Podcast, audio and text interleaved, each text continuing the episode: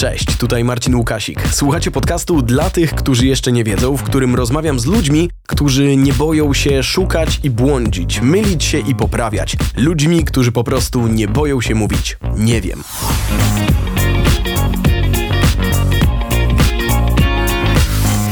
Na początku roku napisał na swoim LinkedInie: Mam 29 lat i nadal nie wiem, co chcę robić w życiu. Pisał o presji na sukces, na to, żeby zawsze wiedzieć, znać kolejny krok, mieć niezachwiany plan i pomysł na siebie. Pisał o potrzebie błądzenia, szukania i mylenia się. Jego post okazał się manifestem pokolenia. Tysiące osób przejrzało się w słowach Marcina i podpisało pod nim. Marketer, człowiek wielu pasji i zainteresowań, głos pokolenia i człowiek, który nie boi się mówić nie wiem i szukać. Moim, a przede wszystkim waszym gościem jest Marcin Malec. Partnerem cyklu jest Asus ZenBook z Windows 11, laptop z wydajnym procesorem i certyfikatem Intel Evo, zaprojektowany z myślą o tych, którzy jeszcze nie wiedzą. Dzień dobry moi drodzy, to jest podcast dla tych, którzy jeszcze nie wiedzą, a dzisiaj razem ze mną odpowiedzi na najróżniejsze nie wiem będzie szukał Marcin Malec. Dzień dobry, cześć. Cześć, dzień dobry, witam.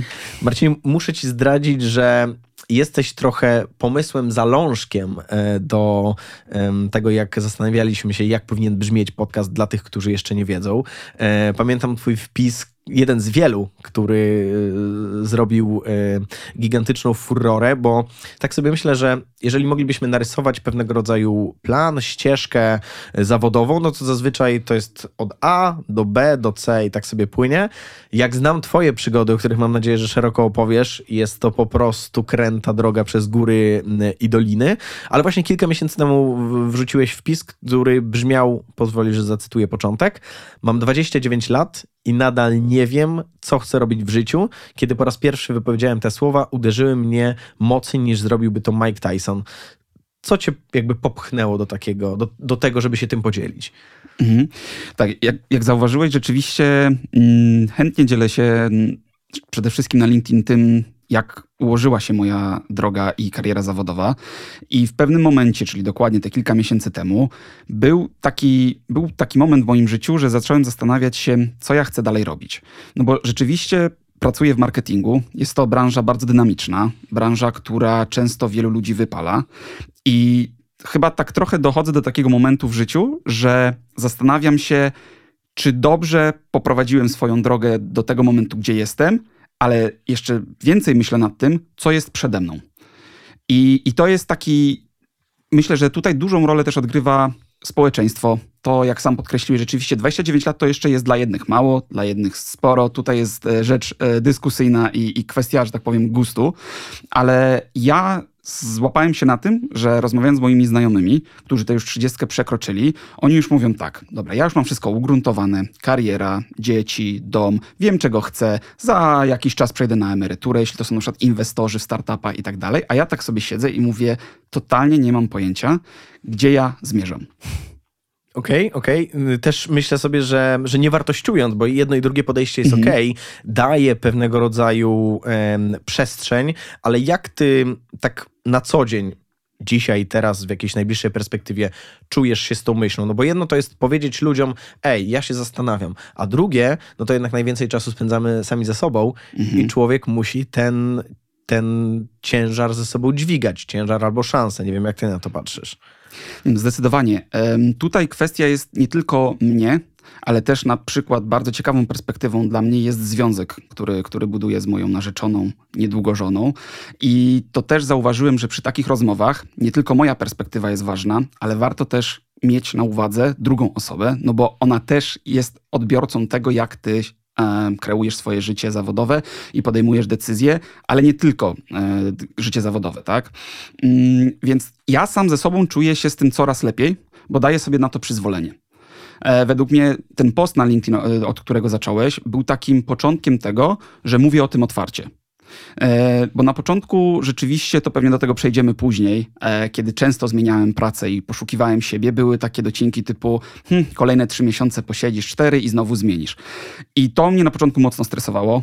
E, też to padało z ust moich i znajomych, i rekruterów, o czym też często piszę, że, że to nie jest takie zero-jedynkowe. Mm, I tego się po prostu wstydziłem. Teraz e, zaczynam to akceptować i po prostu taki jestem. Jestem człowiekiem, który poszukuje, który jest w stanie sobie odpowiedzieć: Dobra, nie pasuje mi, zmieniam. i nie mam problemu z tym, żeby mówić sobie po prostu nie wiem. Okej, okay, no dobra, to jak w takim razie trochę bronisz tę perspektywę? Bo o ile zakładamy, że znajomi są in plus, są otwarci mhm. do nas, chcą, um, jakby życzą nam dobrze, e, ale w momencie, kiedy pojawia się rekruter e, i widzi, okej, okay, Marcin w perspektywie ostatnich kilku lat był po trzy miesiące, więc prawdopodobnie u nas może być podobnie. Y, jak to jak o tym opowiadasz, jak prezentujesz osobom z zewnątrz tę perspektywę? Ja mówię szczerze. W sensie według mnie podstawa to jest szczerość, bo też właśnie niedawno taki PiS wywołał dosyć sporą burzę, gdzie ludzie niektórzy specjalnie naciągają trochę fakty pod CV, że na przykład był okres pół roku, a wpisują dwa lata, żeby okay. nie było tych pytań. Więc e, dla mnie tutaj od zawsze m, mm, najważniejszą zasadą była szczerość, czyli mówię otwarcie, na przykład byłem w firmie X, to było na przykład technologie e, i miałem propozycję stażu, otrzymałem i to jest do zweryfikowania, to nie jest, że ja sobie wymyślam, bo wystarczy jeden telefon, na przykład jeśli ktoś byłby bardzo zdeterminowany i dowie się, że dostałem propozycję stażu, ale podziękowałem, bo nie czułem się dobrze w tej roli, którą pełniłem i obowiązki, które miałem pełnić dalej, też nie były pode mnie. I tak samo do każdego stażu tak naprawdę po prostu szczerze się odnosiłem. Tam, gdzie nie chciałem, to mówiłem. Tam, gdzie nie dostałem, bo na przykład, nie wiem, miałem staż bardzo ciekawy w ambasadzie amerykańskiej, gdzie byłem mm, na stażu PR-owym i tam nie ma przedłużeń możliwości na przykład. I ludzie, którzy widzą i bez kontekstu, myślę, że tutaj kontekst jest niezwykle ważny, bo bez kontekstu, jakby ktoś na to spojrzał, mówi, aha, no był trzy miesiące, koniec. Ale dopiero jak mnie zapyta, dlaczego to był koniec, to odpowiadam, ta, to jest staż trzymiesięczny i nie ma możliwości przedłużenia tego stażu na stanowisko. Więc wiesz, jest bardzo dużo sytuacji i według mnie ludzie powinni szczerze i otwarcie mówić o tym, co robią, e, no bo nie ma tutaj się czego wstydzić. Okej, okay. Ja wiem, że łatwo się o tym mówi, ale -hmm. staram się trochę złapać pewnego rodzaju albo mechanizm w głowie, albo nawyk, który masz, albo który cały -hmm. czas, no bo to jednak umówmy się, trochę jak z odwagą. To, że byłeś dwa tygodnie odważny, to nie znaczy, dzisiaj rano wstaniesz i mówisz, e, tak, dzisiaj mi się nie chce. To znaczy, dzisiaj nie będę odważny. Um, jak się z tą myślą um, albo z tym uczuciem tak oswoić? Jak z nim po prostu na luzie żyć? Z takim nie wiem bardzo, bardzo fajną kwestię tutaj podkreśliłeś, bo to jest odwaga. I ja nie zdawałem sobie sprawy z tego, że ludzie postrzegają mnie jako odważnego rzeczywiście, bo e, ci, którzy się poćmiewali, że, że, że szybko rezygnuję, to, to jest jedna grupa, ale też była dla mnie ciekawym zaskoczeniem druga grupa, która mówiła: Wow, podziwiam Twoją odwagę. I rzeczywiście to, to, to się pojawiało. Ja sam tego nie odbieram jako odwagi, bo dla mnie to jest naturalne, rzeczywiście, ale gdybym miał się zastanowić, co sprawia, że dla mnie to jest takie właśnie gdzieś, co możemy połączyć z odwagą, to jest takie poczucie, że jestem dobry w tym, co robię, wierzę w swoje umiejętności i tak jak pewnie sam wiesz, um, one mogą się zmieniać w ciągu życia. E, twój taki skillset umiejętności twardych, ale na przykład to, czego ja jestem pewien, to są moje umiejętności miękkie. I dziś uważam, że jeśli ma się dobrze wykształcone umiejętności miękkie, to tak naprawdę człowiek odnajdzie się wszędzie. I to jest moja taka, myślę, tajna gdzieś broń, e, tajny taki as w rękawie, że ja wiem i jestem tego pewien. To jest takie przekonanie, trochę takie, jak wiesz, niektórzy psychologii mówią zawierzenie, przekonanie. Ja po prostu sobie poradzę. I nigdy to naprawdę mnie nie zawiodło um, i kieruję się tym od samego początku. Niczego tak naprawdę w życiu nie jestem pewien jak tego, że jakoś sobie w życiu poradzę. Nie wiem jak, nie wiem kiedy, nie wiem czy to jest ten moment, że sobie super radzę, czy on dopiero nadejdzie, czy już był, ale wiem, że tak będzie. I to jest jedyne, co mną kieruje, kiedy podejmuję decyzję, dobra, chcę coś w życiu zmienić. No dobra, czy to nie jest pewnego rodzaju gra? To znaczy, czy nie masz wrażenia, że napędza cię to, że sobie cały czas lawirujesz, że to ci dostarcza gdzieś tam kolejnych, czy takich, nie wiem, emocji, bodźców, że. Zobaczymy, co się będzie. Nie ma nudy. O. Wiesz co, i e, bardzo szybko poruszyłeś, bo chciałem też to w pewnym e, momencie naszej rozmowy poruszyć, bo są plusy i minusy zmian. I e, to jest, myślę, ryzyko tego, e, że jak można się zapędzić w takie kołowrotek zmian. Czyli, że jesteś na takim gazie, e, że coś nowego, cały czas coś cię bodźcuje i to daje ci adrenalinę, to daje ci mm, endorfiny, wiesz o co chodzi. I to, to, to, jest bardzo ciekawy punkt, bo ja o tym jeszcze nie mówiłem. To jest przede mną, żeby też po, po, pokazać tę drugą stronę zmian. Czyli tak naprawdę mm, ja w pewnym momencie złapałem się na tym, że szybko się dosyć nudziłem, bo te początkowe miesiące, początkowy czas czegoś nowego jest super ekscytujący, no a potem po prostu to, co się nauczyłeś, wdrażasz i to rozwijasz. Uh -huh. e, I więc tak, odpowiadając na Twoje pytanie, jest to też ryzyko.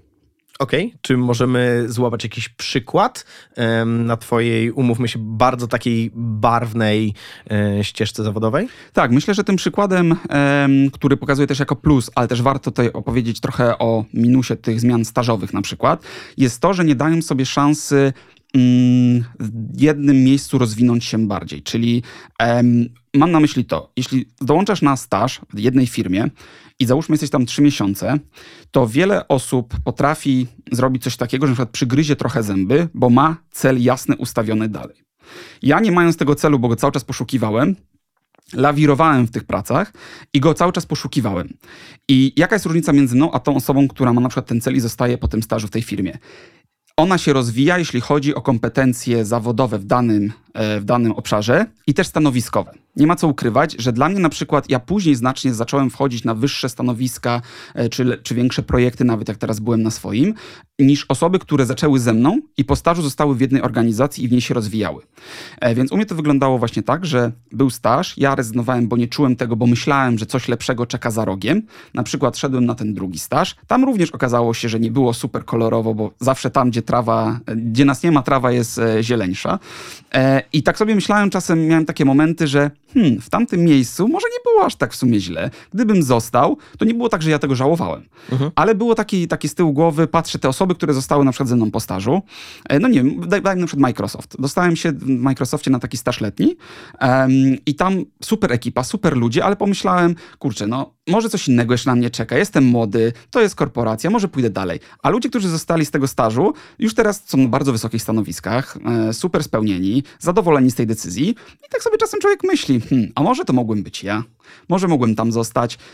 Nie żałuję tego, ale też daje znać, że warto mieć na uwadze, że zmiana wiąże się z tymi plusami i minusami. No właśnie, mm, to taka ciekawa perspektywa. Wiem, że nie żałujesz, tak jak powiedziałeś przed chwilą, bo też i, i, też mam wrażenie, że trochę płyniemy w stronę gdybania, no ale zastanówmy się, jak często zdarza ci się właśnie będąc gdzieś tam samemu, obserwując znajomych, czy różnego rodzaju osoby, które zaczynały z tobą mhm. w różnych miejscach, e, mieć takie ukucie, a co by było, gdybym został? Albo że może jednak trzeba było tutaj, wiesz, nie szaleć. No miewam, powiem ci, miewam. Szczególnie taki największy, najbardziej dla mnie pamiętny momentem był, był właśnie ten, dlaczego nawiązuję do Microsoftu, no bo ja jestem gamerem, uwielbiam gry i będąc na stażu bardzo chciałem w Xboxie być na przykład. E, i, to jest, I to jest taka sytuacja, którą e, będę pewnie długo pamiętał, bo gdzieś tam po godzinach starałem się pomagać, pomagałem, e, wszystko fajnie szło, no ale nie było wtedy tak zwanego headcountu. Mhm. E, no więc nie było dla mnie stanowiska. E, I jeden z moich, e, moja znajoma dokładnie, która była ze mną na tym stażu, e, została. Jakoś tam po, polawirowała właśnie między działami w firmie, no i ostatecznie wylądowała na stanowisku w Xboxie. Więc tak sobie myślę wtedy, hmm, gdybym ja został, polawirował trochę może, zacisnął te zęby, bo rzeczywiście to, co robiłem, nie było do końca tym, co chciałem robić docelowo w dziale, w którym wylądowałem wtedy. Mm, I tak, taki, taki jest ukłucie trochę, że Hm, to mogłem być ja, może, ale znowu to jest gdybanie. Mogło być tak się w ogóle nie wydarzyć, bo znowu mogłaby ona to dostać, a ja bym w ogóle dostał, nie wiem, albo nie dostał przedłużenia. Ale tak, te myśli wracają, mimo że nie jestem zwolennikiem gdybania, one są i myślę, że będą zawsze związały się z każdą zmianą. No dobra, a patrząc trochę szerzej, bo do kariery zawodowej jeszcze wrócimy, mm -hmm. ale na ile znam Twoją postać, to mam takie nieodparte wrażenie, że no i to też trochę pytanie do ciebie, czy można się tego nauczyć, czy trzeba mieć to w nawyku, płynę do tego, że ty się przeprowadzałeś 16 razy. Tak. Czy można się tego nauczyć, tej takiej chęci do szukania nowego, czy trzeba mieć ten element, jakby trzeba się po prostu z tym urodzić? Mm, to jest tak. Ja myślałem długo nad tym, e, skąd u mnie się wzięła taka lekkość, myślę, do tej zmiany. I ta, ta zmiana w moim życiu pojawiła się już na, naprawdę, w, e, kiedy miałem 6 lat. Bo urodziłem się w Koszalinie, mieszkałem 6 lat w Koszalinie i potem przeprowadziliśmy się z rodzicami do Warszawy. W Warszawie pomieszkałem 2 lata i mój, mój tata dostał się na studia w Stanach i do Kalifornii wyleciałem na 2 lata. Potem po tych dwóch latach wróciłem do Warszawy z rodzicami i w tej Warszawie przeprowadzaliśmy się właśnie dokładnie 16 razy. I jak sobie tak myślę, jesteś człowiekiem, który ma 18 lat, zaczyna te swoje właśnie życie dorosłe, a masz już za sobą takie zmiany, gdzie ja e, do dziś opowiadam przecież znajomym historię, że ja, słuchaj, poleciałem do Stanów Zjednoczonych, nie znając w ogóle języka. Mój tata powiedział z miesiąca na miesiąc, że lecimy. Mając y, 8 lat. 8 lat. Więc ja umiałem tylko good morning. E, i, to dobry początek. I powiem ci, ta sytuacja to, co zobrazuję ci, żeby nie wchodzić w takie detale, to jest lot samolotem, kiedy lecieliśmy do Stanów z Amsterdamu do Los Angeles i ja tak bardzo nie znałem języka, że chciałem skorzystać z toalety i tata mi trzy razy musiał mówić, jak mam panią z wózkiem przeprosić, która zablokowała wózek, bo ja excuse me nie byłem w stanie tak ze stresu e, zapamiętać i trzy razy biegałem i w końcu zapamiętałem excuse me, żeby odjechała tym wózkiem i wpuściła mnie do toalety. Więc to był mój poziom, że tak powiem, znajomości języka i przygotowania na, nowo, na nową kulturę i nowy świat. Ale tak, ja myślę, że to mnie ukształtowało. Nie będę, myślę, że nie mogę mówić tak ogólnie, że można się tego nauczyć, bo ja trochę przez... E, przez przymus i sytuacje, które się wydarzyły, się tego nauczyłem. Dlatego jest mi łatwiej, bo ja nie mam takiego przywiązania, czy to do miejsca, w którym mieszkam, czy to do, do, do, do otoczenia, które, które mam wokół siebie. Okej, okay, w porządku. E, wiem też, że masz najróżniejsze e, przygody z takim trochę decydowaniem się, skakaniem na głęboką wodę. E, płynę tutaj między innymi do tego, o czym rozmawialiśmy przed rozmową, czyli o nauce gry na basie. Tak. Czy możesz powiedzieć tę historię? Bo to jest wchodzenie w coś nowego z kompletnym nie wiem. No właśnie, to, to, jest, to jest ten cały ja, myślę. E, historia z basem e, jest przykładem tego, że ja w dwa tygodnie potrafię podjąć decyzję, która wpłynie na moje kolejne kilka lat, a ja jeszcze o tym nie wiem. I sytuacja była taka, że ja jestem po szkole muzycznej, e, i w ostatniej klasie szkoły muzycznej przed dyplomem miałem lekcję z moim profesorem gitary. Na gitarze klasycznej grałem, gram, gram i wchodzi Wojciech Kulczycki, e, wspaniały dyrygent i, i opiekun zespołu Jazz Combo Volta, w którym, w którym miałem przyjemność grać i mówi, szukamy basisty. Ja mówię, ale jak to szukacie basisty? No ja jestem klasykiem. Masz dwa tygodnie, jakbyś chciał dołączyć, to dawaj, bo, bo dopiero budujemy zespół, a ja mówię tak, hmm, mój tata jest basistą, e, samoukiem basistą, mówię, jak mój tata się nauczył, a ja mu słoń na ucho nadepnął, to trzeba przyznać, ale rytmicznie jest petarda. Mówię, to co, ja nie dam rady? I tak szybko tylko e, pytam taty, tata, czy ja dwa tygodnie dam radę się nauczyć na basie? No, pewnie damy radę. Ja mówię, dobra, wchodzę w to. A to był zespół profesjonalny, jazzowy, gdzie ja grałem muzykę klasyczną, wchodziłem do totalnie nieznanej mi muzyki, stylu e, gry m, zespołowej i tak dalej. No i powiem ci tak, e, grałem tam ponad dwa lata, zjeździliśmy trochę świata. Nawet e, graliśmy na przeglądach muzycznych w Szwecji, Finlandii. E, graliśmy dla najwyższych osób właśnie z przedstawicielstwa szwedzkiego, szwedzkiej władzy.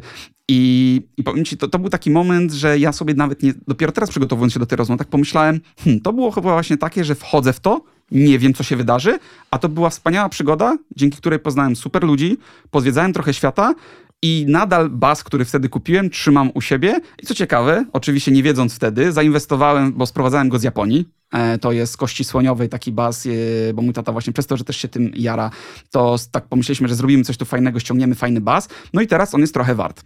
Mimo, że ja wtedy nie wiedziałem, po prostu go kupiłem za jakieś tam 1500 zł e, i mam super przygodę, super wspomnienia, no i super bas w domu. Okej. Okay. Czy ten moment decyzyjny, chodzi mi o to, czy z wiekiem do tej odwagi, do tej sprawności podejmowania decyzji przychodzi pewnego rodzaju doświadczenie i myśl taka, taka racjonalizacja, no bo umówmy się, mhm. to jest skakanie na głęboką wodę. Czy teraz skacząc na głęboką wodę, wiesz, zakładasz rękawki, żeby wygodnie się pływało, czy jednak dalej go for it i zobaczymy? Tutaj im jestem starszy, myślę, tym trochę bardziej może nie rozsądniejszy, bo nie, nie, moich zmian decyzji nie postrzegam w mm, rodzajach mm, rozsądku, e, czy w aspekcie rozsądku, ale rzeczywiście jest coś takiego, że mam takie dwa razy się zastanowię. Jak wtedy nie miałem praktycznie wahań, to był jeden telefon i lecę w to, tak teraz myślę, że przez to, że dużo rzeczy się dzieje w moim życiu, im jestem starszy, tym więcej rzeczy do, do ogarnięcia, do rzeczy, które muszę, że tak powiem, załatwić na co dzień, tym myślę troszkę dłużej nad tym, ale to nie jest tak, że ja już od razu na przykład odrzucam coś. To jest, to jest przykład taki, że ja pomyślę, ale znając mnie nadal, w to pójdę. Tylko po prostu będę potrzebował dwóch dni na zastanowienie, a nie jeden dzień i bardziej ułożenia spraw. E, myślę, że tu jest bardzo ważne, jeśli na coś się decydujemy, to jest coś nowego, tak jak mówisz, skakujemy na głęboką wodę. Potrzebna jest tutaj dobra organizacja czasu, bo wszystko da się zrobić, tylko trzeba mieć odpowiedni poziom determinacji, zawierzenia, właśnie znowu wracamy do tego, że to się uda, ale ważna rzecz, o której nie powiedziałem na początku, nawet jak się nie uda, bo wiele moich przedsięwzięć się nie udaje, to też jest ok. I to myślę właśnie, to co też mogę powiedzieć jako o sobie, że i z tym zawierzeniem, że, że wszystko mi się w życiu jakoś ułoży, też jest przyzwolenie na to, że jak się nie ułoży, to to nie jest tragedia. Jeśli coś zaczynam, kończę to, tak samo przykładem jest na przykład blog, który zacząłem. Dwa miesiące go prowadziłem. Tak? Było szumne zapowiedzi. Ja już się jarałem, będę super publikował regularnie wszystko, bo uwielbiam pisać. Okazało się, że jest to dla mnie zbyt skomplikowane, jeśli chodzi o stronę techniczną, za dużo na głowie rzeczy operacyjnych i po dwóch miesiącach powiedziałem, koniec bloga. I niektórzy pytali, no a co, to były takie szumne zapowiedzi? Ja odpowiadam, no były. Były, blok jest, nadal sobie wisi. Chcesz, to przeczytaj cztery teksty. Jak nie, to, to go nie czytaj. Ja, ja wiem przynajmniej, że na razie na tym etapie mojego życia blok nie jest dla mnie, ale gdybym tego nie zrobił, gdybym nie, nie zaryzykował, bym cały czas myślał, nie no, blok to jest totalnie moja droga i by mnie tak to kusiło, nęciło, a tak to przynajmniej wiem, że to nie jest teraz. No dobra, myślę sobie, Marcin, o tych, którzy nas słuchają i chciałbym cię zapytać, mm, jak dać sobie pewnego rodzaju taką przestrzeń, przyzwolenie na, na poszukiwanie w czasach, kiedy umówmy się, ta presja i, i obserwowanie ludzi dookoła w takiej mm, mm komunikacji sukcesu, tak? Jak mhm. dać sobie przestrzeń na, na to, że właśnie, że może się nie udać, że mogę sobie poszukać, że mogę sobie dać więcej czasu. Jak ty na to patrzysz? Tutaj dla mnie przede wszystkim najważniejsze jest zastanowienie się z perspektywy słuchacza. Teraz tutaj kieruję te słowa do słuchacza. Co jest dla ciebie najważniejsze? Bo kwestia priorytetów bardzo pomaga w podejmowaniu decyzji o zmianie. Mam na myśli tak, jeżeli dla kogoś ważne są pieniądze, to dla mnie są ważne pieniądze, żeby, żeby mieć poczucie takie, bo też zdrowotnie dużo na przykład mm, inwestuję w siebie, jak ja to nazywam, żeby, żeby trzymać się dobrze, jeśli chodzi o kwestie zdrowotne, to muszę mieć poczucie, że mam pieniądze na przykład na trzy miesiące rehabilitacji czy leczenia. I buduję wtedy po prostu poduszkę finansową. Czyli jeśli wiem, że coś jest nie tak tutaj, gdzie jestem, ale przyświeca mi cel, teraz nawiązuje właśnie dlaczego jak jestem dorosły, trochę to się zmienia. No bo jak stażowałem, to mieszkałem z rodzicami, też to jest ważne myślę do podkreślenia, żeby nie, nie wypaczało obrazu. Ja mieszkałem z rodzicami, utrzymywałem się dzięki rodzicom, więc mogłem. Bo dużo osób też podkreśla, ja tak najbardziej rozumiem, e, że niektórzy muszą się utrzymać i nie mogą po prostu powiedzieć sobie ja zmieniam i przez dwa miesiące być bez pracy. Więc priorytety. Co jest dla ciebie w życiu najważniejsze? Jeśli to są pieniądze, poduszka finansowa. Jeśli to jest poczucie spełnienia, to na przykład otaczasz się ludźmi, którzy akceptują i dają ci to poczucie szczęścia, nawet jeśli ty masz gorszy moment w życiu, bo na przykład zmiana nie udaje się tak, jak miała się udać w twojej głowie, ale masz ludzi, którzy mówią, wierzę w ciebie, wiesz, że tego szukasz, nie poddawaj się. Mogą być różne wartości i po prostu warto się na nich skupić. Okej, okay, a odbijanie się w lusterkach innych, to znaczy zbieranie właśnie tego świata, który nam pokazuje, udało się, wygrałem, zdobyłem i tak dalej, i tak dalej, versus siedzisz sobie ty i myślisz, okej, okay, też oczywiście wiele się udało, tu absolutnie nie, nie, nie kilując twoich sukcesów, tylko myślisz sobie, a ja nie wiem, to znaczy, to jest trochę pytanie z kategorii, jak złapać ten luz. Mhm. No tutaj jest e, duży problem, myślę, z kulturą, w której żyjemy dzisiaj, czyli social media. E, kreowanie też aktywnie działasz e, w social mediach i widzisz, co się dzieje na Instagramie na przykład. I ja, to co mi pomogło, może innym też pomoże, to jest ja odobserwowałem ludzi, którzy po prostu sprawiają mnie w poczucie zakłopotania. Bo niektórzy mają taki vibe, że pokazują swoje sukcesy, ale mnie to wpędza w kompleksy, czyli czuję, że jestem gorszy. I tutaj bardzo ważne jest, kim się otaczasz, bo myślę, porównywanie się jest naturalne. Bo nie chcę też mówić, że nie porównuj się, bo to bardzo prosto powiedzieć, nie porównuj się. No ale jak mam się nie porównać, jeśli. Rób swoje się. Tak, dokładnie. Rób swoje, nie porównuj. Ja też bym troszkę to normalizował. Czym tu się przejmować? Tak, dokładnie. Nie przejmuj się. No, twój kolega z klasy milion właśnie ukręcił przychodu miesięcznie, ty, ty nie możesz znaleźć pracy, ale nie przejmuj się, nie porównuj się do niego. Więc ja bym to normalizował. To jest jeśli z kim się porównujesz, to, to, nie zamartwiajmy się od razu, że o Jezus Maria, co ja robię, nie rób tego. Bardziej starałbym się e, świadomie otaczać ludźmi, którzy rzeczywiście nas inspirują. I granica pomiędzy inspirowaniem a porównywaniem się takim negatywnym jest dosyć cienka i warto siebie obserwować. W momencie, kiedy właśnie konta, które na początku były dla mnie inspirujące, a potem zdałem sobie sprawę, że tak trochę mnie to gryzie, bo już tyle sukcesu jest tam, że ja nie jestem w stanie tego przetworzyć, szczególnie jak mam gorszy okres, to nie ma się czego bać i po prostu mamy prawo tę osobę odobserwować i po prostu zająć się tym, co dla nas jest najważniejsze.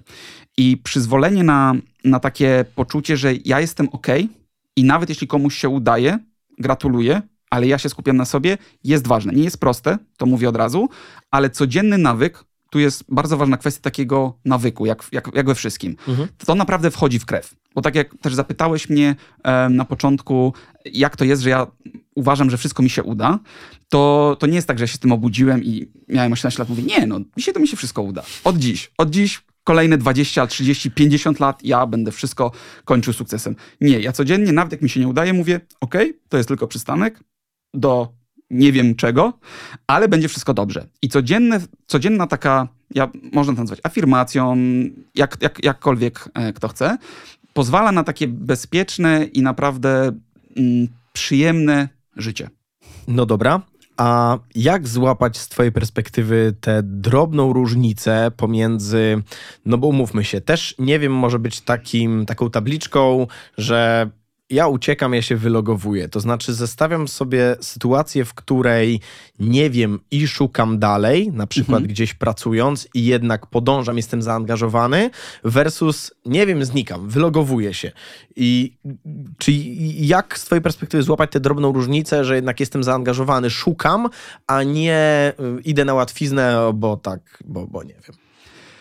Hmm, trudne bardzo pytanie, mm, ale gdybym miał się tutaj na czymś skupić, to byłoby to twoje poczucie psychiczne.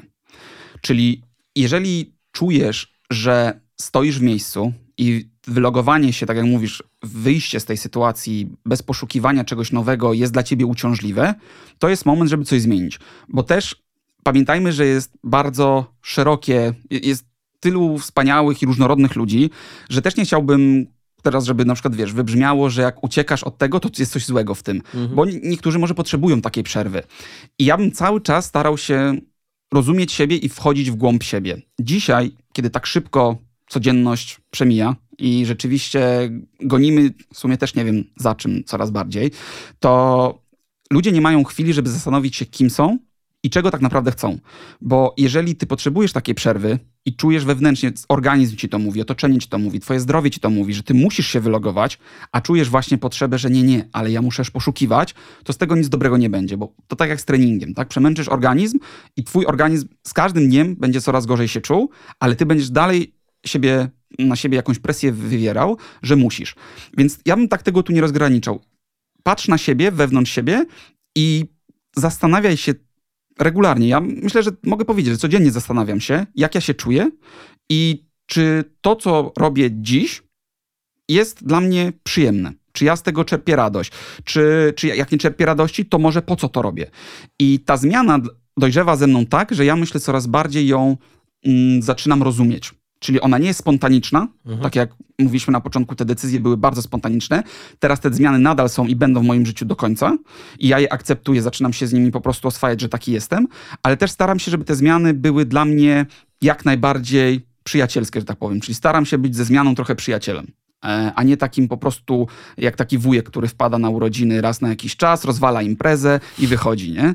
Więc ja nie chcę, żeby zmiana była takim wujkiem, e, ja chcę, żeby ta zmiana była moim przyjacielem i to wymaga ode mnie ciągłej takiej samoświadomości i zastanawiania się, czy w tym momencie życia jest ok, czy coś chciałbym właśnie zmienić. Czyli jednak bardziej proces, a nie destrukcja. Zdecydowanie proces. Zdecydowanie proces, no bo mam też przykłady znajomych yy, i myślę, że tutaj jednym z takich przykładów jest mój znajomy, który rzucił wszystko w Polsce, chciał takiej bardzo dużej zmiany, co ja, jak właśnie człowieka od zmian, jak się ludzie śmieją, było dla mnie też już hardkorowe. A możesz powiedzieć, co rzucił? W tak. sensie, jak wysoko na górze był? Tak, y, rzucił konsulting.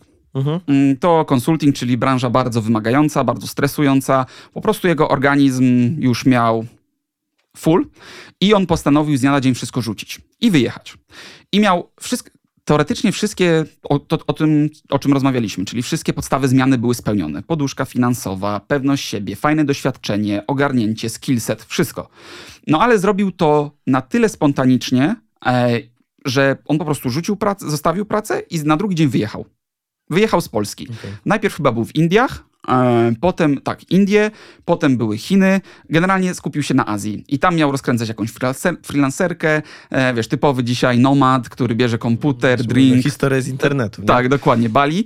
I powiem ci tak, e, nie, nie, muszę się w ogóle do niego odezwać. To jest dobry teraz, teraz motyw, żeby w ogóle może jakiś follow-up gdzieś zrobić później. Ja i mówiłem o tobie. E, tak, on pewnie będzie wiedział, jeśli będzie słuchał, ale to myślę, że on nie ma z tym problemu. On też o tym otwarcie dosyć mówi, ale nie wiem, co u niego już teraz się dzieje.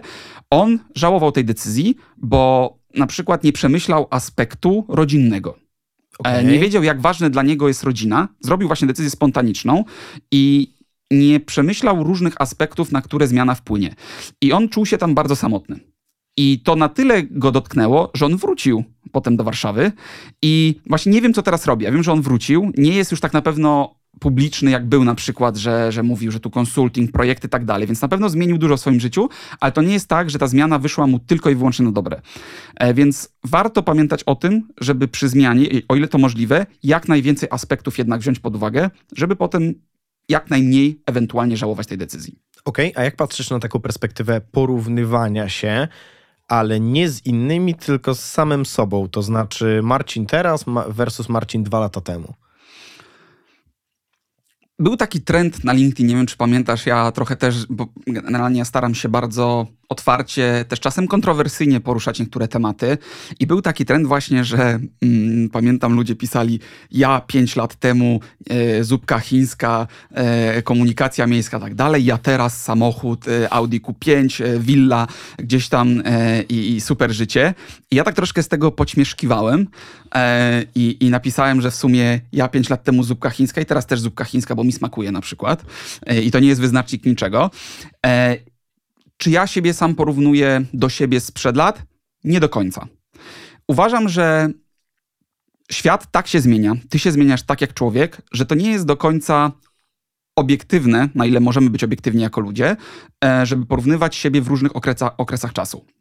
Szczególnie jeśli te zmiany są częste. No bo jak miałbym zauważyć porównać siebie teraz, gdzie 5 lat temu stażowałem i zmieniałem staże, miałem, nie wiem, 8 staż, stażów, um, a teraz na przykład jestem na swoim albo zaczynam nowy projekt. To jest niemiarodajne za bardzo, bo i wtedy mi dobrze było, bo poznawałem siebie i teraz jest mi dobrze. Więc ja nie jestem zwolennikiem takiej presji nakładania siebie, że patrzę co trzy lata, gdzie jestem, e, co zrobiłem super, co nie.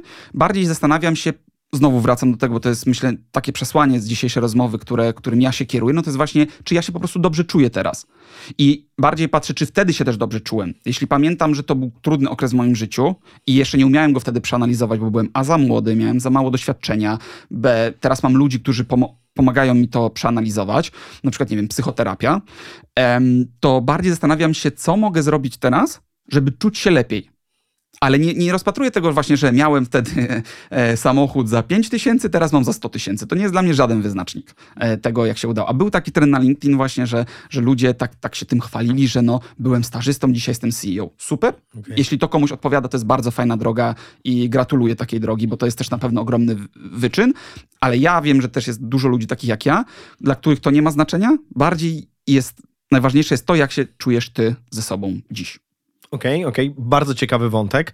Um, też takiego, takiej, nie wiem, zagadki zestawienia z innymi, e, ale trochę nie do końca. I też myślę, że rozmawiamy o takiej perspektywie e, zawodowej. Ja spojrzałbym trochę szerzej, czy odpowiedzią na te pytania może być z e, Twojego doświadczenia jakaś inna przestrzeń. To znaczy, umówmy się, definiujemy się przez pracę, a czy, czy może szukanie gdzieś na innych polach, wiesz, jakby, że znalazłem sobie pracę, która dostarcza mi. Um, dostarcza mi pieniądze, mhm. jakby poświęcam x godzin, zarabiam tyle, a może właśnie realizuje się w innej przestrzeni, co jest bardzo niepopularne, mam wrażenie. Jest bardzo niepopularne i co więcej, mm, na tyle niepopularne, że ludzie często narzucają sobie takie, myślę, standardy innych. I to, co ty poruszyłeś teraz w tym pytaniu, to jest ciekawa kwestia tego, że ja Myślę, że mogę otwarcie powiedzieć, to z narzeczoną często o tym rozmawiamy. My jesteśmy ludźmi, którzy nie za bardzo mają pasję. I to jest też temat rzeka, myślę, bo, mhm. bo pasja jest takim tematem, że często nie wiesz. Czasem ta pasja może cię w wieku 60 lat olśnić. Możesz coś polubić, możesz złapać zajawkę do czegoś, a możesz nigdy jej nawet nie mieć. I ja też o tym często kiedyś mówiłem, bo ja wpadłem w taki, taki kołowrotek ludzi, którzy mają pasję, wiesz, y, SG, tu jakieś, nie wiem, wspinaczki górskie, y, właśnie, nie wiem, naukowa kariera, y, dzierganie. A ja w sumie byłem od zawsze takim człowiekiem, że byłem we wszystkim dobry, ale nigdy nie byłem w czymś najlepszy. I miałem okay. takie poczucie, że kurczę, nie mam takiej pasji, która mnie po prostu pochłania i to jest coś, czym ja potrafię 10 godzin spędzić, nie zastanawiając się nad tym. I nawiązując do tego, odchodząc od pracy, myślę, że pasja, nazwijmy to, może mówmy upraszczając to pasją, jest to, że ja tego poszukuję, ale nie z takim przeświadczeniem, że muszę ją teraz znaleźć, ale próbuję wielu rzeczy i liczę na to, że może to mi się spodoba, może nie. Czy to będzie moją pasją, nie wiem, ale wiem, że daje mi to frajdę poszukiwanie. Tych przykładów jest sporo. E, zacznijmy od muzyki elektronicznej. E, kupiłem sobie nawet keyboard MIDI, e, przed, e, oprogramowanie, te wszystkie tutoriale przerobione. Zacząłem tworzyć muzykę. Sprawiało mi to radość. Trzy miesiące potworzyłem muzykę skończyłem tworzyć muzykę. Nie jest to moją pasją. Beatbox. Beatboxowałem jak byłem młodszy. To była taka, myślę, to, to mogło podejść pod pasję przez pewien moment, bo, bo dużo temu czasu poświęcałem. Występowałem na jakichś takich, że tak powiem, okręgowych przeglądach młodzieżowej, młodzieżowych talentów, ale to też po pewnym czasie odeszło. I ja bym nie nastawiał się na to, że musisz koniecznie już wiedzieć, co chcesz robić, załóżmy po pracy, żeby to żeby to in, coś innego cię definiowało, bo tak jak e, fajnie powiedziałeś, myślę, że też duży problem jest z tym, że wielu ludzi definiuje się poprzez pracę, a nie wiem, czy to jest do końca dobra droga, e, bo praca czasem jest, potem jej nie ma i czy ty się zmieniasz jako człowiek? Nie. To po prostu okoliczności się zmieniają, w których ty jesteś e, i tak samo przez pasję ja się nie definiuję, a miałem z tym kiedyś problem. Więc teraz po prostu poszukuję, i mam się naprawdę przeróżnych rzeczy. Granie na harmonice, układanie klocków Lego, puzli, i tego poszukiwałem i nadal poszukuję i sprawia mi to radość. Mm, pamiętam, że nasz pierwszy kontakt y, był no, kilka lat temu. Ja wtedy byłem na takim etapie, że skończyłem swoją przygodę z radiem tak. i, gdzieś tam szukałem. Rozmawialiśmy chyba o jakichś tematach um, copywriterskich. Um, ty, ty, pamiętam, znajomy gdzieś podesłał mi kontakt do ciebie, że Marcin zbiera ludzi. Tak. Coś tam, tam wymieniliśmy kilka wiadomości. I mam do ciebie bardzo techniczne pytanie, bo mi nigdy nie udało się być dobrym copywriterem. Um, umiem coś napisać, mhm. ale raczej nie jest to najwyższych lotów. Jak radzisz sobie z takim kreatywnym, ale też może trochę technicznym, y, nie wiem, y, właśnie w przestrzeni, kiedy trzeba napisać coś ciekawego, będąc copywriterem? E, ostatnio właśnie też w jednym z podcastów marketingowych akurat o tym rozmawiając, ciekawe, że o to pytasz, e, bo do tego jestem przygotowany, bo rozmawialiśmy o niemocy twórczej. Mhm. To, co rzeczywiście e, copywriter z czym się mierzy, to jest po pierwsze nie wiem codzienny, bo nie wiem jak ugryźć temat, nie wiem jak się zabrać za ten temat, nie wiem jak na przykład siąść do większego projektu mm, i są na to określone metody. Tutaj akurat, jeśli chodzi o sprawy pisarskie, mam już wypracowane swoje techniki i kieruję się typowymi takimi mm, metodami na oswojenie niemocy twórczej, czyli to jest spacer, to jest inspirowanie się tym, co mnie otacza, to jest na przykład czytanie. Bardzo lubię czytać i inspirować się tym, co inni tworzą, czyli tak chłonąć, e, czy to, nie wiem, może nie słownictwo nawet, ale taki klimat, który inspiruje.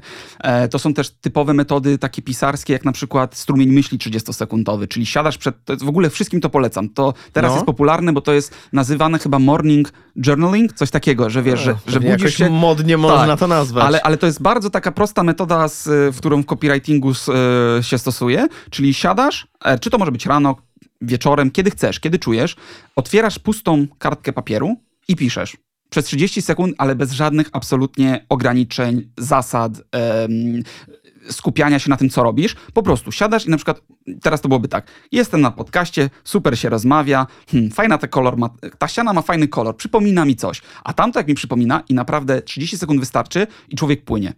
I wtedy najważniejsze, żeby nie stopować i mogą z tego wyjść nawet 3-4 strony fajnego tekstu, który może być bez sensu, jeśli chodzi o logikę i składnie, ale jest twój i daje ci taki rozruch. To jest taki troszeczkę e, wejście w pisanie myślę, że to są metody, które naprawdę pomagają odpowiedzieć na nie wiem, bo one stymulują twój mózg, który szuka razem wtedy z tobą odpowiedzi. Okej, okay, no dobra, ale mamy to zapisane, trzymajmy się, super przykład, bardzo mm -hmm. fajne.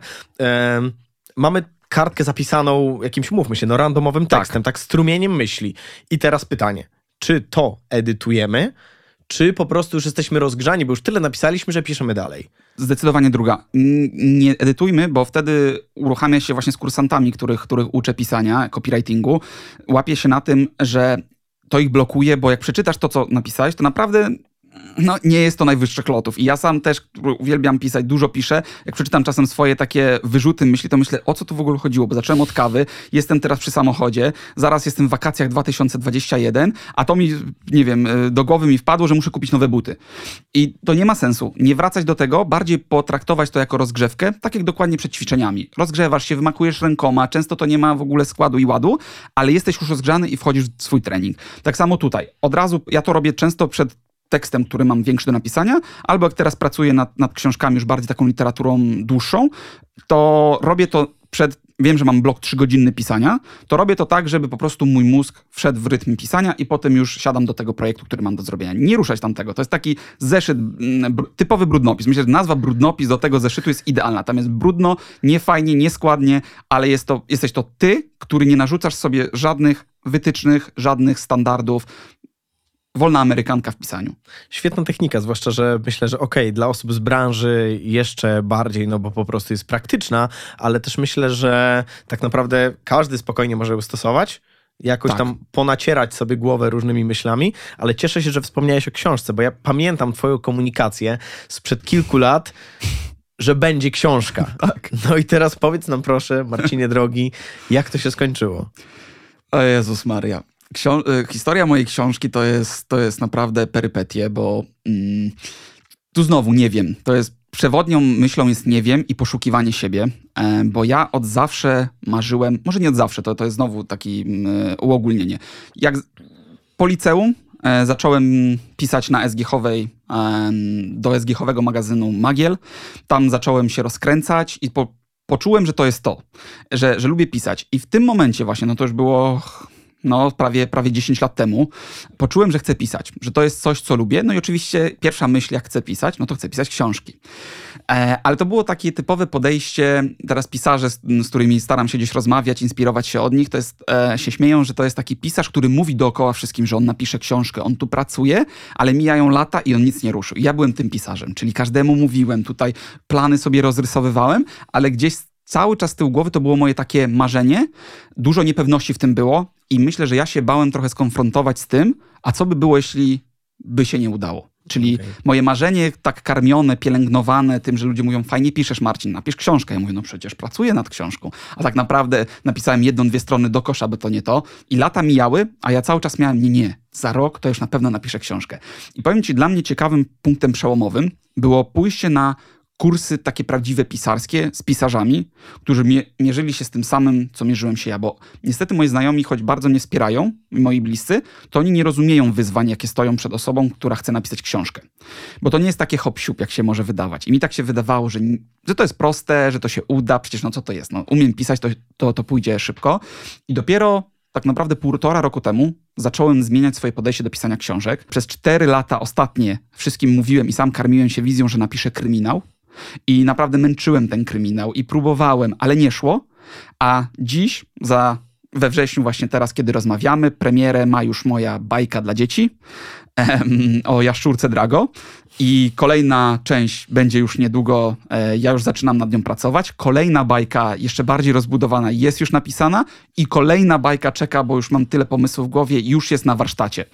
I to tak jakbym się nagle odblokował i złapał radość z tego, że ja piszę te książki, ale totalnie nie te książki, które ja myślałem, że będę pisał, bo a, wszyscy je czytają, b, to są chodliwe książki, no oczywiście jak być pisarzem, no to najlepiej znanym i kochanym, a nic tak e, nie sprzedaje się w Polsce jak erotyka i kryminały.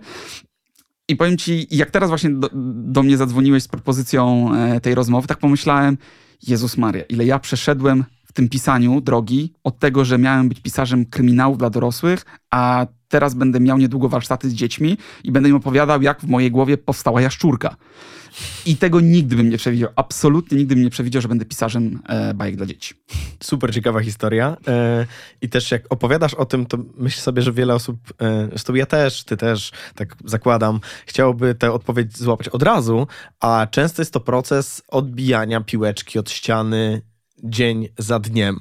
I płynę troszkę do tego, jakbyś mógł opowiedzieć, czy jak ty na to patrzysz, jak, mm, jak radzisz sobie z takimi, wiesz, malutkimi, codziennymi wyzwaniami. No bo umówmy się, ten pomysł na książkę dla dzieci gdzieś przychodzi, ale jednak mhm. trzeba było podjąć setki, jeżeli nie tysiące prób. I teraz jak przeskakiwać ten drobny schodek?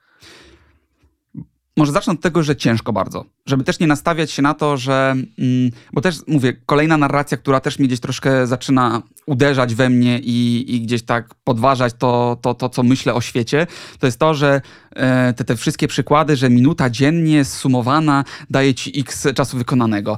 I to fajnie brzmi, to wszystko fajnie się klika, ale znowu, jeśli spróbujemy przełożyć to na twoje, twoją codzienność i tym kroczkiem będzie w moim przypadku, tego, czego musiałem się nauczyć, to, że ten sukces, sukces w pojęciu, że robię to, co chcę robić, e, nie przychodzi od razu, to jest na przykład ustalenie sobie takiego celu, który jest dla ciebie osiągalny e, i nie sprawia ci kłopotu.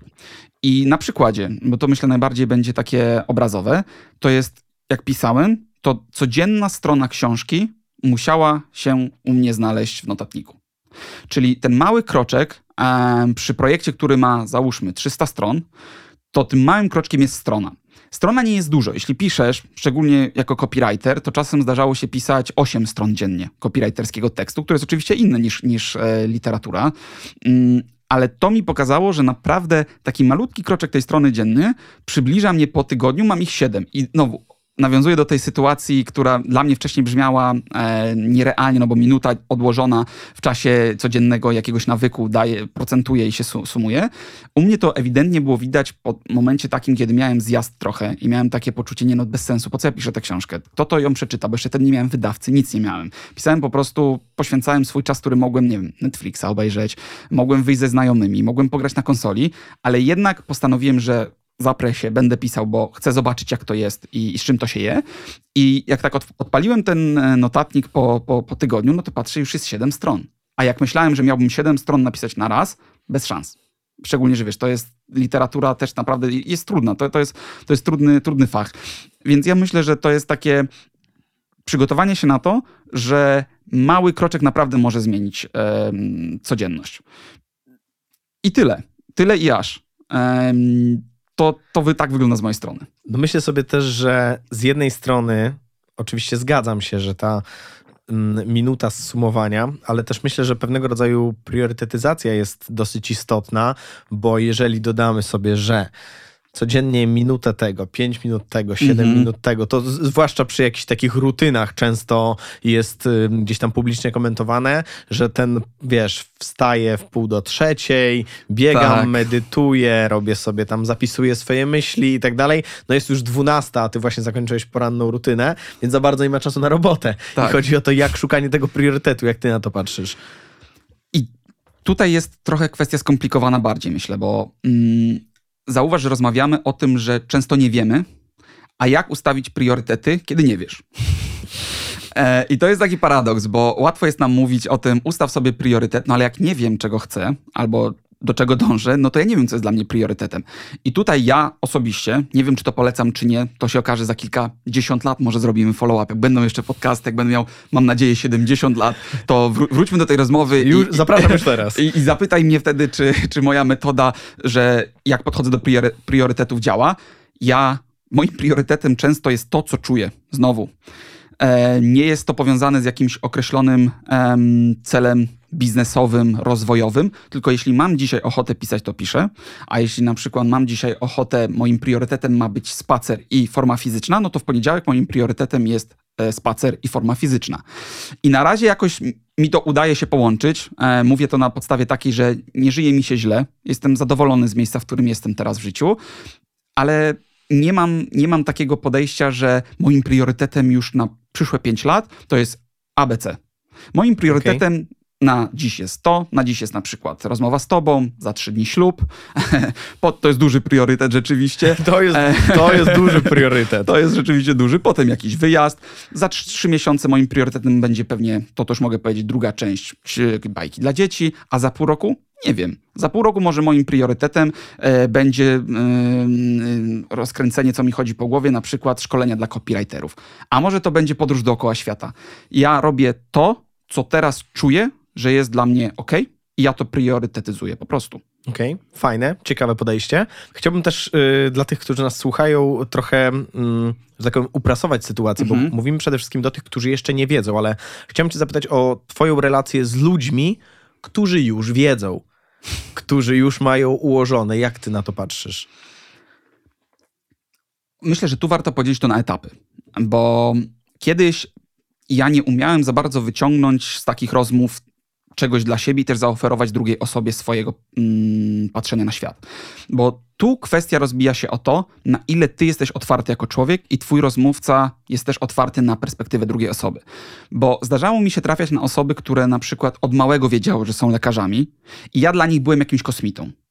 Oni już wiedzieli, pewnie też przez rodziców, którzy byli lekarzami. Nie wchodzę w to, bo to jest też temat rzeka, na ile to jest ich, na ile oni czują, że chcą to robić, na ile to jest wykształcone przez, przez społeczeństwo, rodzinę i uwarunkowania.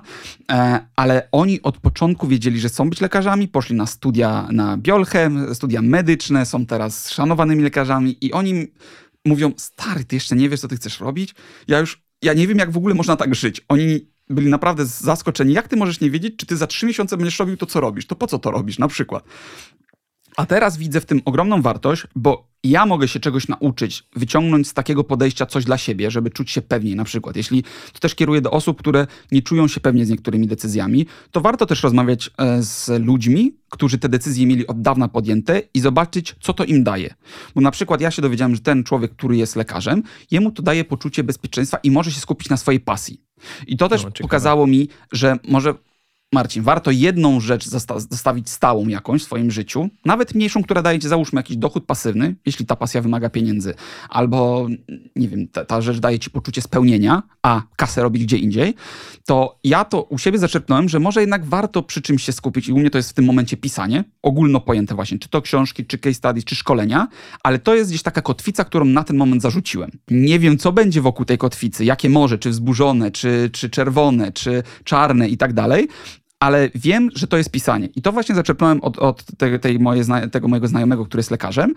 I on mi to pokazał, że to jemu daje naprawdę takie poczucie na realizację czegoś innego i może warto to mieć. A z drugiej strony, ja moją perspektywą pokazuję często osobom, które właśnie podążały ustaloną drogą, ale nie czuły, że to nie jest ich, taką świadomość i odwagę, że można, możesz coś zmienić. Ja żyję, całkiem, całkiem fajnie mi się żyje. E, oczywiście zawsze mogłoby być lepiej, tak, ale to jest szczególnie u nas w Polsce standardowe podejście, że zawsze może być lepiej, ale nie ma nic złego w zmianie i w tym, że nie wiesz, że poszukujesz i Nieważne, czy masz 25 lat, 50, 70, zawsze jest czas na to, żeby poszukiwać siebie. I te osoby też ode mnie czerpią dużo. Jak patrzą na mnie, może nie są tak hardkorowe w niektórych zmianach jak ja, ale coś zmieniają w swoim życiu. I ja jestem z tego mega dumny, że dzięki temu one też mogą zmienić swoje życie. No właśnie, to ciekawe, o czym wspomniałeś i, bardzo fajna perspektywa, mm, bo mm, wiesz, bijemy brawo tym, którzy poszukują, którzy mówimy o tym, że jest ok i jak najbardziej jest to ok, ale też ym, cieszę się, że złapaliśmy taki wątek, że to nie musi być na 100%, mhm. że są różnego rodzaju przestrzenie w życiu i oczywiście y, nie musimy wywracać, to, historia kolegi, który wyjechał, tak. wyjechał do Indii, no nie? Że jest zmiana z dnia na dzień, często może po prostu wiązać się z różnego rodzaju konsekwencjami i może warto się zastanowić, ok, to zostaje, to zostaje, ale tylko to zmieniam. Dokładnie, dokładnie. Też nie podchodzi, starajmy się nie podchodzić tak zero-jedynkowo, bo też jesteśmy, myślę, uczeni tego, żeby jednak łatwiej jest żyć zero-jedynkowo, jeśli chodzi o twoje dylematy, e, rozkminy, czy to była dobra decyzja, czy nie, ale też nie skupiajmy się na tym, że albo grubo, albo wcale, jak to się mówi. E, można zacząć od drobnej zmiany. Drobnej zmiany w sferze przyjacielskiej, miłosnej, zdrowotnej, e, w sferze myślowej, nastawieniowej, czy nawet w sferze, nie wiem, czytelniczej. To też jest dla mnie bardzo ciekawe, takie drobne zmiany, które ja przeżyłem, to jest um, czytanie, no bo czytam od małego. Babcia, moja polonistka, którą serdecznie pozdrawiam, e, wzbudziła we mnie tę pasję do czytania i później pisania. I ja, słuchaj, miałem ogromny problem przez długi czas, że nie umiałem wyjść z gatunku, który już czytałem, bo no, no, w tym się dobrze czuję, to czytam, to lubię. I nie miałem takiego komfortu naprawdę tak błahej rzeczy, jak zmiana gatunku, który czytam. I może nawet od tego zacząć w życiu coś zmienić, bo e, to może brzmieć dziwnie, ale ja byłem tak nauczony, że wiesz, byłem kiedyś mocno w fantastyce na przykład. Czytałem dużo, Harry Potter rozbudził we mnie miłość e, do, do, do, do, do takiej literatury. Potem literatura faktu. I tak na przykład głupio mi było, nie wiem, no na przykład romansidło przeczytać. No, no nie, jakoś no, tak, nie tak bardzo. Tak, nie bardzo, no ale, ale dlaczego nie bardzo? Dlaczego, co, co, mi, co mi szkodzi to zrobić? I to jest znowu, nie wiem, czy to mi się spodoba, ale zanim ocenię, że mi się nie spodoba, to chcę to przeczytać i ocenić, to jest dobre, czy to nie jest dobre. Tak samo i myślę, że to też do takiego podejścia codziennego jest ważne, mm, czyli mówisz sobie, nie wiem, spróbuję i to może zmienić moje podejście do tego, czego nie znam. To brzmi tak, wiesz, dosyć, dosyć górnolotnie, ale to się sprawdza we wszystkim. Do ludzi, których masz często uprzedzenia, a ich nie znasz, do, do kultur, e, do, do literatury, właśnie do filmu, wszędzie. No cieszę się, że twoja babcia się pojawiła, bo też mam cytat z niej znaleziony gdzieś w internecie. Y, jak to mawiała moja babcia, nic się nie bój, wszystko w swoim czasie i czas tak. chyba w końcu wziąć to sobie do serca, że ten brak presji też jest istotny. Tak, zdecydowanie. Brak presji, um, który jest trudny dzisiaj. Znowu, to, to widzę, tak jak teraz myślę, o czym rozmawiamy, to trudne słowo też pojawia się często, no bo to, to jest trudny okres. Do zmian e, to nie ma co ukrywać jest takie uwarunkowania mamy, że te zmiany nie są tak naturalne, myślę, jak mogły być jeszcze wcześniej. Chociaż z drugiej strony ktoś powie, nigdy nie ma dobrego czasu na zmiany, tak? Bo znajomi, którzy właśnie, to też często ja to aż czasem muszę sam siebie ugryźć w język, bo spotykam się, nie wiem, drugi rok ze znajomymi i jedna osoba cały czas narzeka na swoją pracę, ale to tak masakrycznie narzeka na tę pracę. Pewnie znasz takie osoby. Mijają dwa lata, nic się nie zmieniło. Ja mówię, no ile jeszcze będziesz narzekał na tę pracę? O, już zmieniam, już zmieniam i nic się nie dzieje. Także też trzeba to wybalansować e, oczywiście, ale tak, jest to trudne um, i trzeba dać sobie czas na to, że wszystko przyjdzie w swoim czasie, bo wszystko zmierza znowu do tego, czym ja się kieruję e, i to jest to przesłanie, które chciałbym, chciałbym, żeby wybrzmiało, to jest, że wszystko naprawdę się ułoży i, i będzie dobrze. E, I dlatego to będzie miało swój czas, bo bo to musi się wydarzyć. Prędzej czy później, jeśli coś dobrego ciebie czeka, to się po prostu to wydarzy. I to jest trudne też myślenie. Jeśli ktoś, ja, ja często byłem dosyć pesymistycznie nastawiony do wielu rzeczy i też musiałem bardzo dużo pracy włożyć. Też chciałbym podkreślić, że to jest praca, codzienna praca nad tym, e, samemu, na psychoterapii, samorozwojowo, żeby zmienić podejście do codzienności i tego, co robisz i co cię czeka. Skoro już rozmawiamy o twojej babci, to pomyślałem sobie, bo dla mnie osoby starsze niesamowicie inspirujące, ale też czy może masz podobne odczucie i to pytanie do ciebie, czy osoby starsze właśnie dają tę perspektywę spokoju i doświadczenia? Na przykład właśnie w kontek w rozmowach z babcią. Mhm. Myślę, że bardziej, bo to też jest ciekawy okres, myślę, w życiu tych ludzi, e, bo babcia już nie jest w ogóle w temacie tego, co się dzieje teraz, więc ona nie może być dla mnie za bardzo takim drogowskazem, jeśli chodzi o dzisiejszy świat, ale na pewno jest ogromną wartością, jeśli chodzi o takie spojrzenie na swoje życie z perspektywy. I ja też uwielbiam rozmawiać ze starszymi ludźmi, bo to mi bardzo pokazuje, jak wiele rzeczy, które są dzisiaj dla nas ważne, w perspektywie czasu nie są wcale ważne. I to znowu do tej zmiany wracamy trochę i tego, że nie wiem. To, że dzisiaj dla mnie może być stresujące, że ja nie wiem, to może za 20 lat, znowu na tym podcaście coś zapisuję do, do, do kalendarza, za te kilkadziesiąt lat się spotkamy, ja powiem, nie no stary, w ogóle to, to, to było coś mega dziwnego, że ja się przejmowałem tym, że teraz chcę coś zmienić i ja nie wiedziałem, co chcę robić dalej. To jest bardzo fajna perspektywa takiego podejścia do życia, że w że nie skupiaj się na tym, nie przejmuj, co teraz się dzieje, bo perspektywy czasu to może nie mieć w ogóle znaczenia. To też nie chodzi o to, żeby wszystko olewać i, i, i bagatelizować, ale naprawdę, jeśli coś nas gryzie, zastanówmy się tak, co by było za te 50 lat, czy ja naprawdę będę się tym przejmował właśnie, że nie wiem, że zaryzykuję ze zmianą pracy, trafię na gorszą pracę i no, życie się nie zawali. Tak? Może być w tym momencie jak najbardziej niekomfortowo, żałowanie tej decyzji, ale jest cały świat otwarty, są inne kraje, jest tyle dziedzin, jest tak, nie wiem, dostęp do internetu nawet pozwala teraz e, fajnie zarabiać, że po prostu idziesz dalej, otrzepujesz kolana i, za, za 5-10 lat to w ogóle nie będzie miało znaczenia. Bardzo cieszy mnie, Marcin, ta szeroka e, perspektywa. Ja przypominam, że e, odpowiedzi na różnego rodzaju nie wiem cały czas wspiera nas laptop Asus ZenBook 14 na platformie Intelevo z systemem Windows 11. I Marcin, lądując trochę, chciałbym cię zapytać, bo każdego z gości mhm. o to pytam.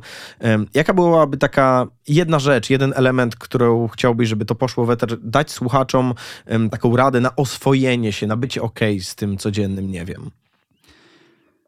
Na bycie z codziennym nie wiem najważniejsze jest akceptacja tego, że wszystko może się zmienić, ale ty się nie zmienisz. Ładne. W takim znaczeniu, że jeśli wierzysz w siebie, wierzysz w swoje umiejętności, w to, że świat jest dla ciebie dobrym miejscem, e, że, że czeka cię, czekają cię dobre rzeczy, to wszystko inne może się zmieniać dookoła, ale ty idziesz do przodu. I to myślę wybrzmiało dosyć mocno, bo aż może nawet za często to podkreślałem, ale naprawdę warto uwierzyć w to, że świat jest dla nas dobry. W sensie nikt nie ma celu na celu utrudnianie nam tego życia. Jeśli sami sobie nie utrudniamy tego życia właśnie poprzez zamartwianie się, kombinowanie, e, żałowanie, wracanie do sytuacji, które były, to tak naprawdę my jesteśmy odpowiedzialni za to, jak żyjemy. I nie przejmowałbym się tym, że zmienia się wszystko dookoła nas, dopóki my jesteśmy ze sobą ok i ale my też się możemy zmieniać w takim sensie, że, e, bo nie chciałbym, żeby to zabrzmiało, że my jesteśmy nie do zmiany, już akceptujemy siebie takim jesteśmy, ale jeżeli dopóki czujemy się ze sobą dobrze, dopóty wszystko dookoła może się zmienić, a my dalej będziemy zadowoleni z tego, co robimy i odpowiedzi nie wiem, możemy szukać zawsze. I ja tak, ja myślę, ostatnie zdanie moje to jest takie, że ja szczerze do końca życia będę szukał odpowiedzi na nie wiem, bo uwielbiam moment poszukiwania odpowiedzi, a nie może nawet sam e, stan odpowiedzi. Okej, okay. dziękuję serdecznie. Dziękuję bardzo. Przypominam, że wszystkie odcinki podcastu dla tych, którzy jeszcze nie wiedzą, znajdziecie we wszystkich serwisach streamingowych i na YouTubie. Też yy, zachęcamy do tego, żeby dzielić się swoimi historiami i pomyślałem sobie, że to może być istotne. Yy, Gdyby ktoś, Marcin, chciał poczytać Twoje historie, to gdzie znajdziecie w internecie? Myślę, że najlepiej na LinkedIn.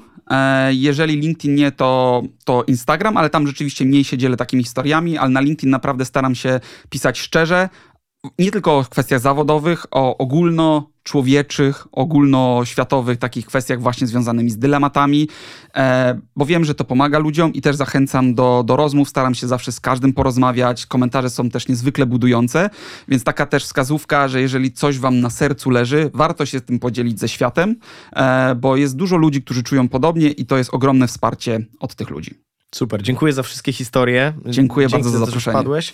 E, no i trzymam kciuki za wesele. Dziękuję bardzo. Wszystkiego dobrego, do zobaczenia. Dzięki, cześć.